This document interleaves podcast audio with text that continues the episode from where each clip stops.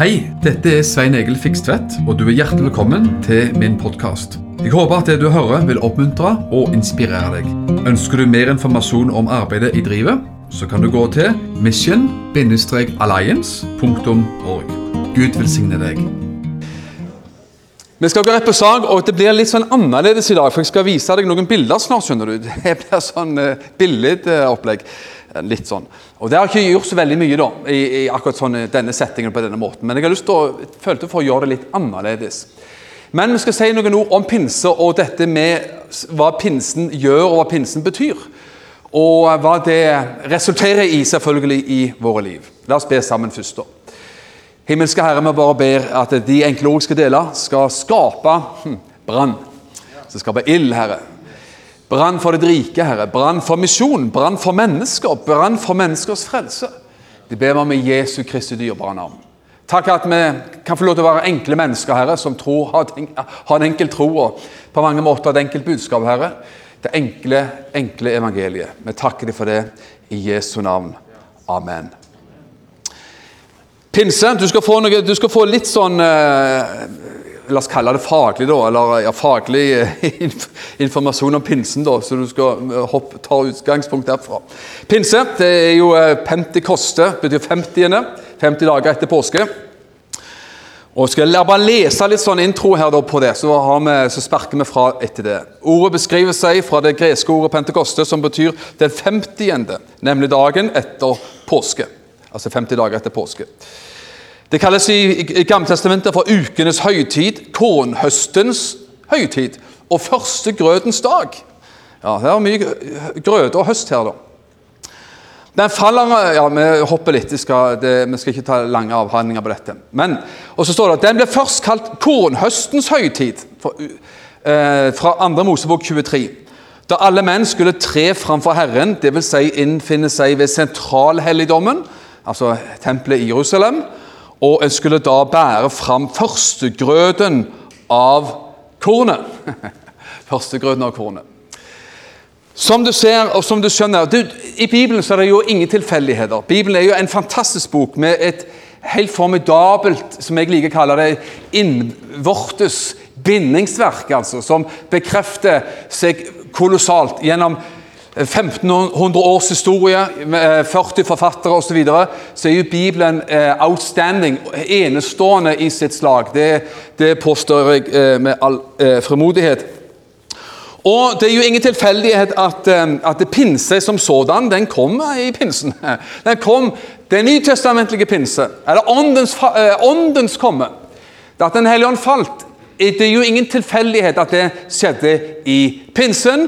Og I Jerusalem på den tiden der så var det jo jøder som var kommet fra massevis av omkringliggende land, som var der for å feire sin pinse. Og Der falt Den hellige ånd på 120 personer på øvre sal. Og Det som skjedde, det kjenner vi jo selvfølgelig godt til ut fra Bibelen.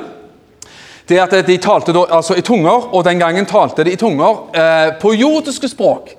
Sånn at de jødene som var kommet til Jerusalem i høytiden, de kom jo fra massevis av omkringliggende land, og så hørte de evangeliet forkynt på sitt språk når folk begynte, disse 120 begynte å tale i tunger. Og det er jo eh, fantastisk. Og så handler ser vi ut fra det vi har lest og det vi skjønner fra Bibelen, at det handler mye om altså, eh, innhøstning og det å bringe høsten, noe av høsten fram for Gud som et takknemlighetsoffer osv. Så og sånn. Jeg har lyst til å snakke selvfølgelig om en annen innhøstning i dag enn eh, en, eh, poteter og korn, naturligvis. Men, men man skjønner Bibelens språk og Bibelens billedspråk og Bibelens eh, profetiske språk også, da.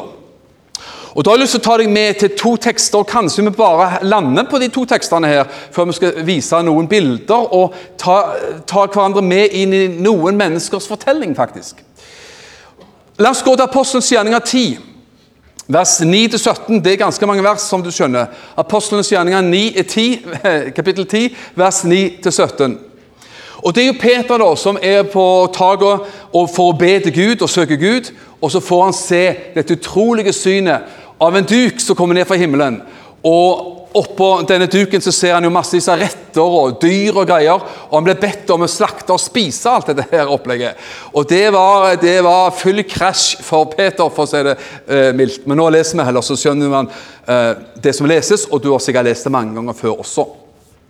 Dagen etter, mens, var, mens de var på reise dit og nærmet seg byen, gikk Peter opp på hustaket for å be. Det var omkring den sjette time. Da eh, ble han sulten og ville spise.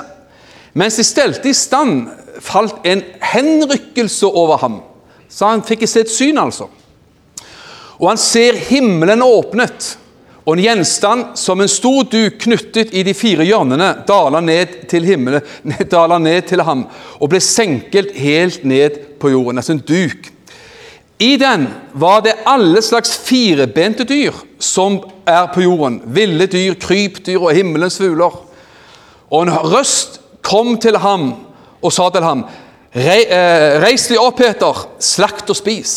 Det er røsten i dette synet som sa dette.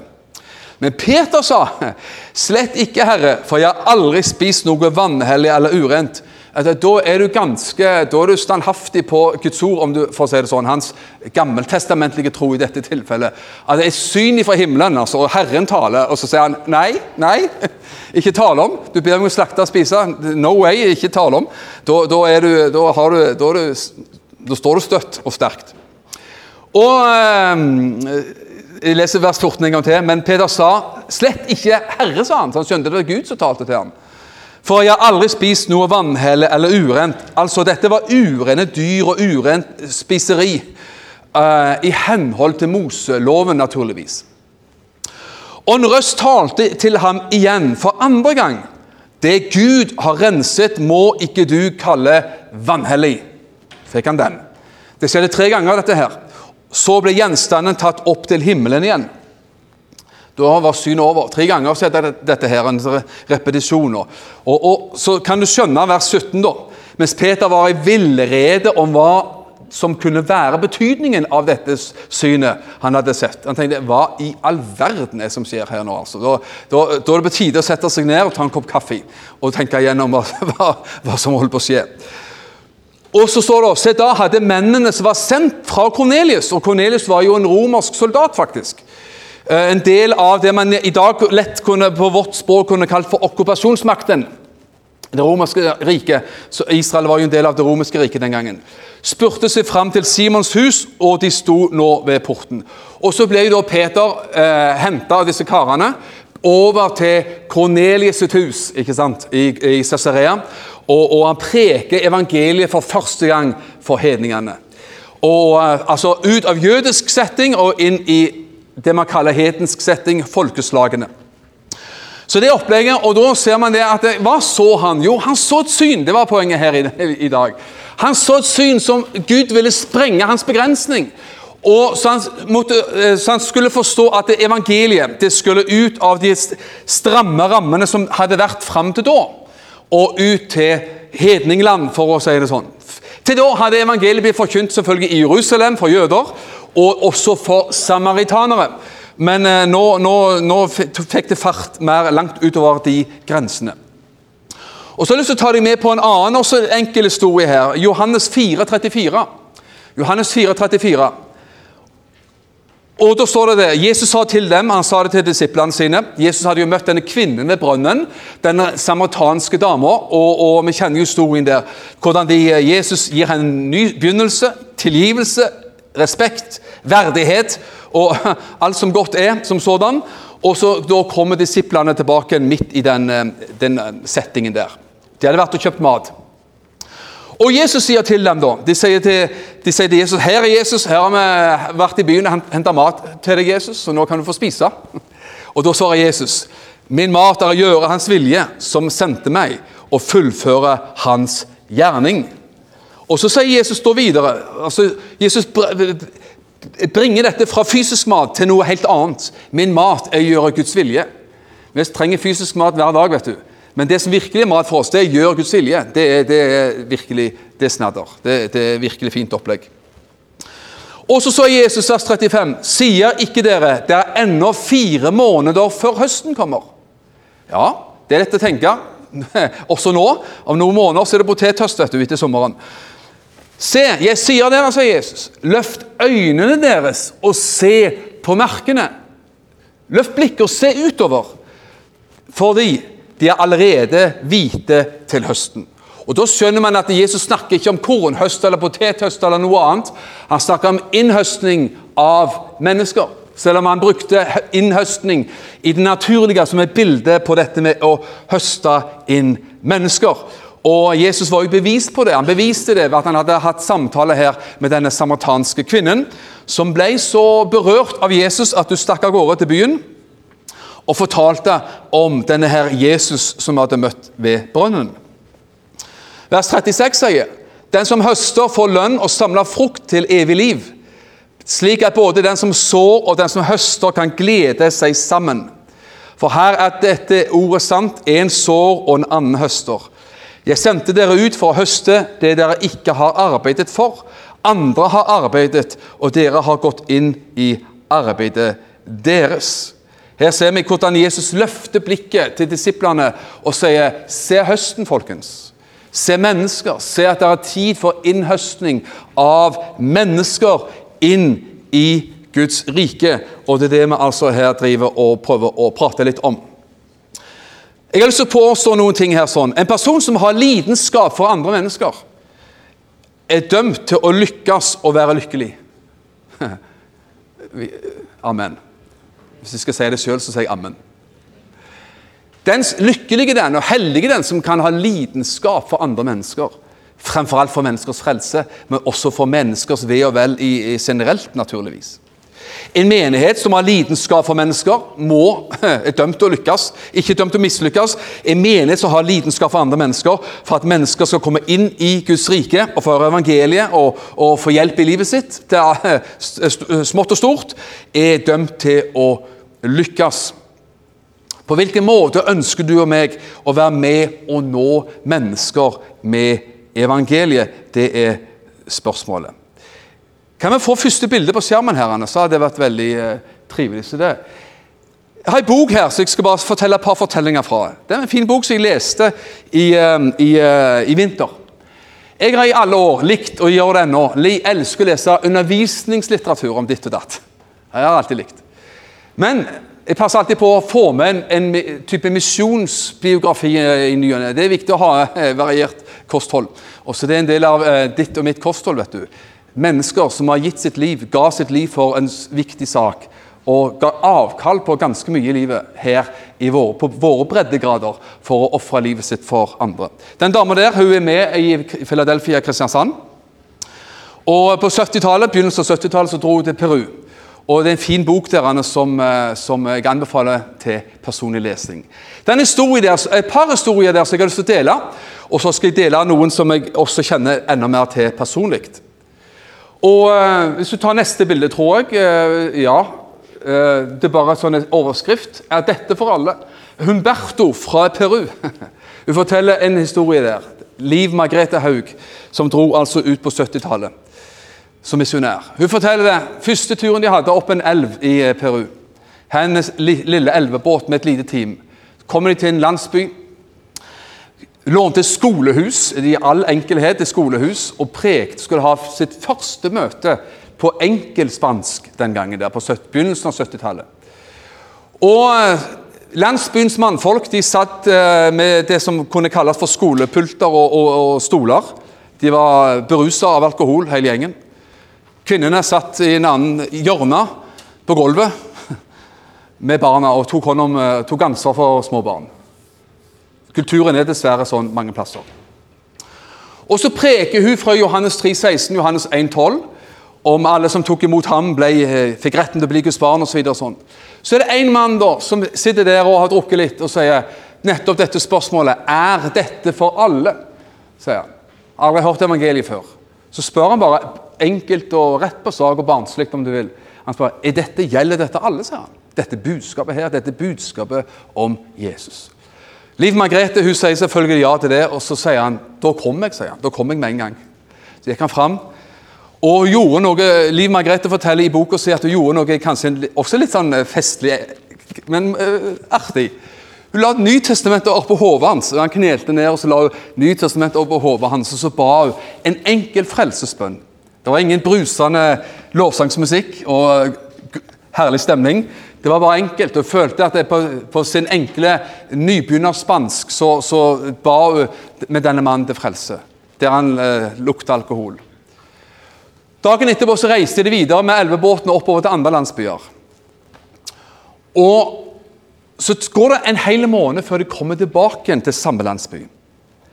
Og så viser det seg det at den som står og vinker de inn til stranden der, og sånt, det er jo denne her karen her, Humberto. Og han hadde, vet du hva, han hadde vært og sett og speilet etter de hver dag etter han ble frelst. I en måned så han hadde vært og kikket utover elva og sett når kommer de tilbake igjen. Så kommer de inn, og han er jo der og møter de, og så kommer også resten av landsbyen og møter de. Uh, Liv Margrethe og hennes team, og så sier de kan vi også få lov til å bli frelst nå. Og vet du hva? Han hadde ikke smakt en dråpe alkohol fra den dagen han ble frelst i all enkelhet, for å si det sånn, der i denne skolehuset. Han var, viste seg at han hadde gått to år på skole, lært, hadde så vidt lært å skrive og lese. Han var landsbyens ordfører og solgte brennevin til folk for å få inntekt. Men det fikk selvfølgelig sin bråe slutt. Og han endte opp som pastor. Det var evangeliet kan gjøre, og det, det, det hva pinsekraften handler om. Og hva pinsekraften og pinsevelsignelsen gjør. Den skaper lidenskap for mennesker. Og han blir altså, denne karen her, en, en pastor og ble et nytt, nytt menneske. Jeg tror vi skal ta neste bilde. Som du ser av det bildet der, så kan du jo se Han heter Vinceslau da la Torre. Det er jo bra navn. Og han sier 'Slik ønsker jeg at barna mine skal huske meg', sa han. Og så forteller jeg historien om Han Han ble foreldreløs da han var liten. Begge foreldrene døde. Han ble adoptert inn i kretsen av noen katolske prester. De forsynte han godt med tobakk og alkohol, så at han ble også alkoholiker. Og ble brukt av den katolske kirka til å dra rundt og inndrive tiende rundt om i landsbyene av frukt og grønt på gårdene og til å be noen latinske bønner over folk. og sånt, Så han var liksom eh, gutten på det. Han vokste opp, og etter hvert så gikk han vel lei av akkurat det livet der. Så han kjøpte seg en liten gård, fikk familie, men var fremdeles en eh, alkoholisert mann. Så ble barnebarnet frelst, og et, et av hans barn ble frelst. Og Så møter han da misjonær Liv Margrethe i voksen alder, jeg tror han var faktisk 80 år cirka, voksen alder fikk en gave, fikk briller, og fikk et Nytestamentet. Og så leste han seg sjøl til frelse, faktisk. Ble glad i Bibelen og, og ble frelst og døpt osv. Og, så sånn. og også han fikk eh, Også han la alkoholen på hylla, så hadde vært alkoholisert fra sine yngre dager. Og eh, han eh, så har du et bilde, for Liv Margrethe hun besøkte han på gården, hans enkle gård. Og så så hun der at det, ute på gården så var det en hel mengdevis av Brennevinsflasker. Tomme brennevinsflasker. Så jeg tenkte, Det var det merkelig at han skulle ha den slags til pynt. Men han sa jeg vil ha dette som et minne om hva Gud har gjort i mitt liv. Han hadde aldri rørt eh, en dråpe alkohol etter han ble frelst. Men han hadde liksom gamle flasker stående rundt omkring til pynt eller til minne om hva Gud hadde gjort i livet hans. Og så sier han til misjonærene Jeg synes det er så sterkt å se akkurat det bildet der sånn. For han sier han knelte ned akkurat som han gjør det på bildet. Så sa han 'ta bilde av meg', sa han. Ta bilde av meg nå. For, som han sa, det er sånn jeg vil at mine barn skal huske meg. Han var en eldre mann, som du ser. Sånn ønsker jeg å bli huska av mine barn og barnebarn. sant? Ikke som den som drakk og levde et, et vanskelig liv som sådan, men et sånn som det. En som kneler ned, og som er innenfor uh, tilber Gud og takker Gud for et nytt liv. Han ønsket å bli huska på akkurat den måten der. La oss ta, la oss ta neste bilde. Det er, det er en historie som jeg har selv fra Uganda. Det er fra, 20, det er fra 2017. Og det var eh, jeg og en, min venn der i Uganda, oppe i nord, ikke hos Randi og Robert, men lenger oppe i nord, i Lira-området, og Kamdini er derfra så hadde vi en møtekampanje der, og det var faktisk veldig mye, veldig mye demonbesettelse der. altså. Det var aldeles voldsomt, faktisk. Og så er det sånn at eh, På et av de møtene der så eh, Vi delte på forkynnelse med en som heter Charles. Så Charles fikk et kunnskapsord på et møte og sa at det finnes en person her i dag på møtet, sa han, som har planlagt å ta livet sitt. Ja vel? Og på slutt av møtet, ved forbønn og sånt, så kommer det ei dame fram. Du. Så tok hun fram et tau ut fra, fra klærne sine, under klærne og viste at hun hadde tenkt å henge seg faktisk med, bruke det tauet til å henge seg. Og fortalte at hun hadde levd i et, i et aldeles grusomt forhold til en kar som bare var tvers igjennom vanskelig og vond og ond. Og det var en karen som kneler der. Og Et par dager etterpå så kommer han og bøyer, han som står på kne der, mannen hennes, og overgir sitt liv til Jesus. Så det var et avbrutt, avlyst selvmord og i tillegg en frelsesopplevelse der som, gjør, som, som viser at evangeliet det forandrer menneskeliv på en fantastisk måte. Vi kan ta neste bilde. Det er fra, 20, samme, det er fra samme kampanje, 20, november 2017. Hun dama som står til høyre der, hun heter Jennifer Okello. heter Hun Hun var også demonbesatt og ble utfridd. Og hva gjorde hun da? Jo, hun dro hjem og fortalte dette hva Gud hadde gjort i hennes egen landsby, som var et par mil unna. Og, ehm, og, og fortalte hva som hadde skjedd, var utfridd. Og det utløste sånn eh, lengsel i den landsbyen at, at eh, menigheten i området, i Lira der, han, som, han pastoren som ba for han som sto på kne, forrige bilde, han sendte team for å forkynne evangeliet og for å be for mennesker til utfrielse. Og Da var det mange mennesker i denne, denne landsbyen til denne dama som heter Chopolov, som, eh, som, ble frelst. Og det ekteparet som står ved siden av der, de òg ble utfridd og fikk hjelp. Og de donerte da en tomt til denne enkle kirka som var der. Så nå kommer det menigheterne, meget enkelt som sådan, som du ser. og jeg har, ikke flere bilder her, men jeg har jo flere bilder på PC-en. Et enkelt skur, og så er det åpent på sidene, men de har lagd en del murstein da, som sto i hauger som de skal, skulle mure opp. Da. Et, et, et meget enkelt kirkebygg. Men fortellingen er det. Ei dame som ble forvandla av evangeliet gikk, dro, akkurat som kvinnen ved, ved, brønnen i Bibelen, dro til sin hjemme, hjemlandsby og fortalte om hva Gud hadde gjort. Og Det utløste lengsel etter Gud, frelse og utfrielse, og faktisk også da en ny kirke og ny, uh, nytt liv i den landsbyen der. Og jeg var der. Var, jeg har ikke bilde av meg sjøl der akkurat nå, men jeg var der to år etterpå. For dette bildet er fra november 2019. Mens hun ble jo møtt og forandra i 2017. Så uh, De fortalte meg den historien der, at etter den kampanjen vi hadde, så hadde de fått opp en menighet og en ny menighet på et nytt sted. Og, og uh, Det forteller om hva evangeliet er i stand til å gjøre. Og uh, fruktene av hva evangeliet gjør. Og det er det faktisk pinsekraften handler om, naturligvis.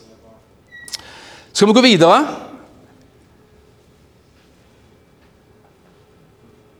Han heter Narendra, og han, hans sønn heter Samuel. Jeg kanskje har fortalt den uten å vise bildet før. Det er noen år siden. Som du ser, jeg hadde ekspandert litt mer hår på meg sjøl akkurat der. Nå tar det mer av. Men mannen der, han var gift. Han dro til, som fremmedarbeider det her fra Nepal, han dro som fremmedarbeider til India. Det var det bedre lønn og lettere å få jobb, så han dro der. Var hindu og uh, hørte kristne fortelle om evangeliet om Jesus. Han tok ikke imot, men han hørte jo om denne Jesus som kunne gjøre alt mulig. Drar hjem, og så opplever de, han og kona at de har en liten gutt som eh, blir syk, og som dør. Og Da begynner han å tenke på det evangeliet han har hørt tidligere i India, som fremmedarbeider der. Og, og oppsøker landsbyens pastorpar i, i området der de bor, og bærer fram sin døde gutt faktisk for pastoren og hans kone. De kneler ned og ber for over denne gutten her i, uh, i 20 minutter ca. Og gutten kommer tilbake til livet. Blir oppvekt fra de døde. Og da kan du tro at veien er ganske kort fra å være hindu i dette tilfellet til å tro på evangeliet. Det, det, det parkerer jo selvfølgelig årevis med diskusjoner eller krangling eller, eller apokalytikk eller hva som helst man måtte kalle det. Det, det, det gjør det vet du, at, at, man får lyst til å ta imot Jesus som sin herre og sin frelser. Og uh, glede å få møte denne, denne herlige, fine familien der fra noen år tilbake igjen. Neste bilde skal vi ta. Det er ei dame som heter Aicha fra Burkina Faso. Hun har vært med å lede lovsangen, som du ser, i, uh, på de kampanjene jeg har vært med å ha i Burkina Faso. Uh, og um, Hun har en fantastisk fortelling, hun også. Jeg skal lese det, så vi leser det litt sånn korrekt. For Hun kom fra, også fra en muslimsk bakgrunn men fikk møte Gud. Og alt dette skjønner handler, Hvorfor deler man det i dag? Jo, for dette handler om innhøstning. Dette handler om å løfte et blikk og se at markene er hvite til høst. Og så videre. det handler om den duken som Peter fikk senka ned foran seg. Der han skjønte at nå, nå, nå sprenger evangeliets grenser langt langt, langt ut forbi både Jerusalem og Samaria.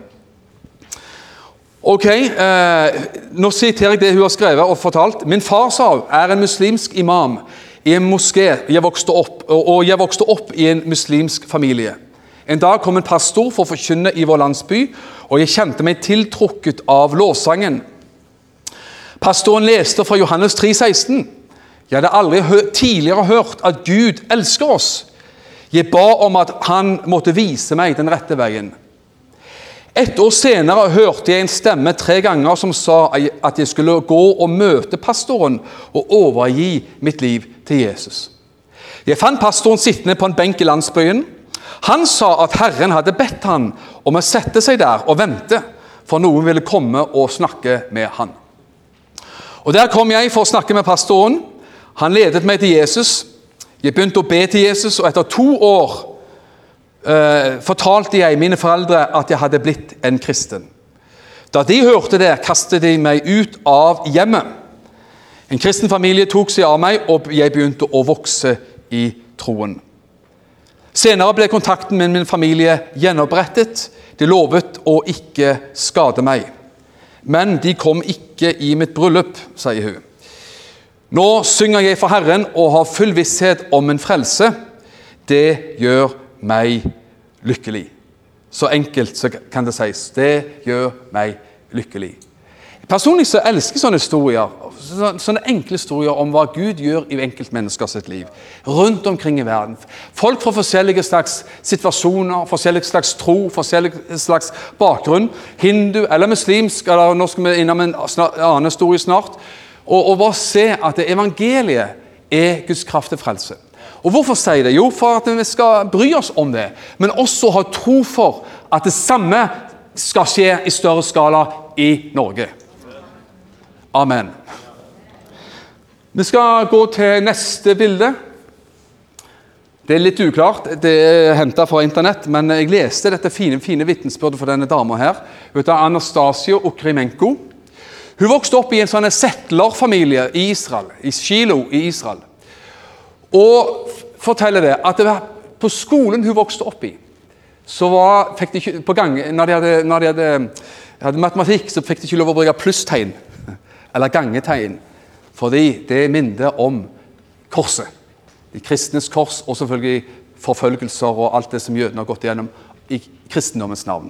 Så de brukte andre tegn enn plusstegn og kors og sånne kryss, eh, gangetegn. Så forteller hun at hun skal heller lese hva Hun leste en dag det som kalles ofte, da, av en eller annen grunn, får man si, den forbudte teksten.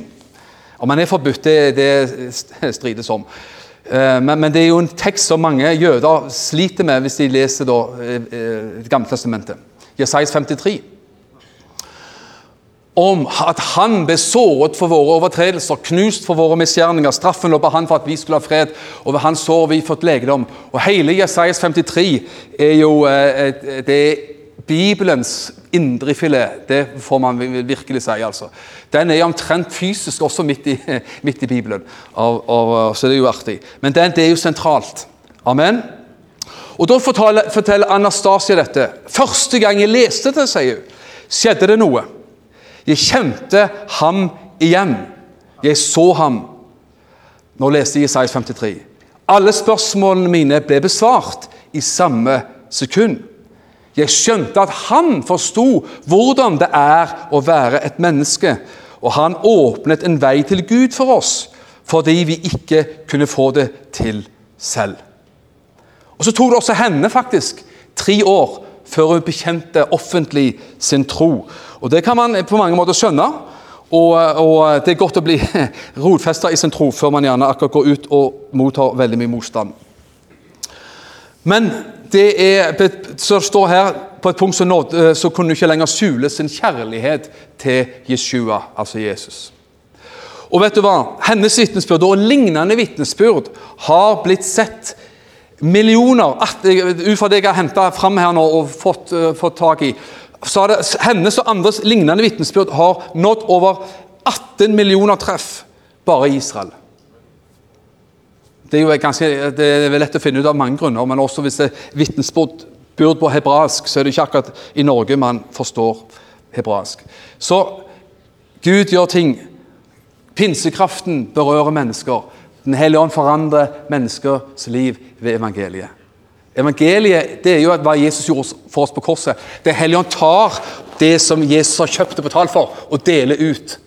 Og downloader, laster ned i mennesker evangeliets liv og virkelighet. Kan jeg få lov til å komme med et vitnesbyrd til? Og jeg føler Ja, amen. Nå så jeg beredt klokka endelig. Det er to klokker oppe.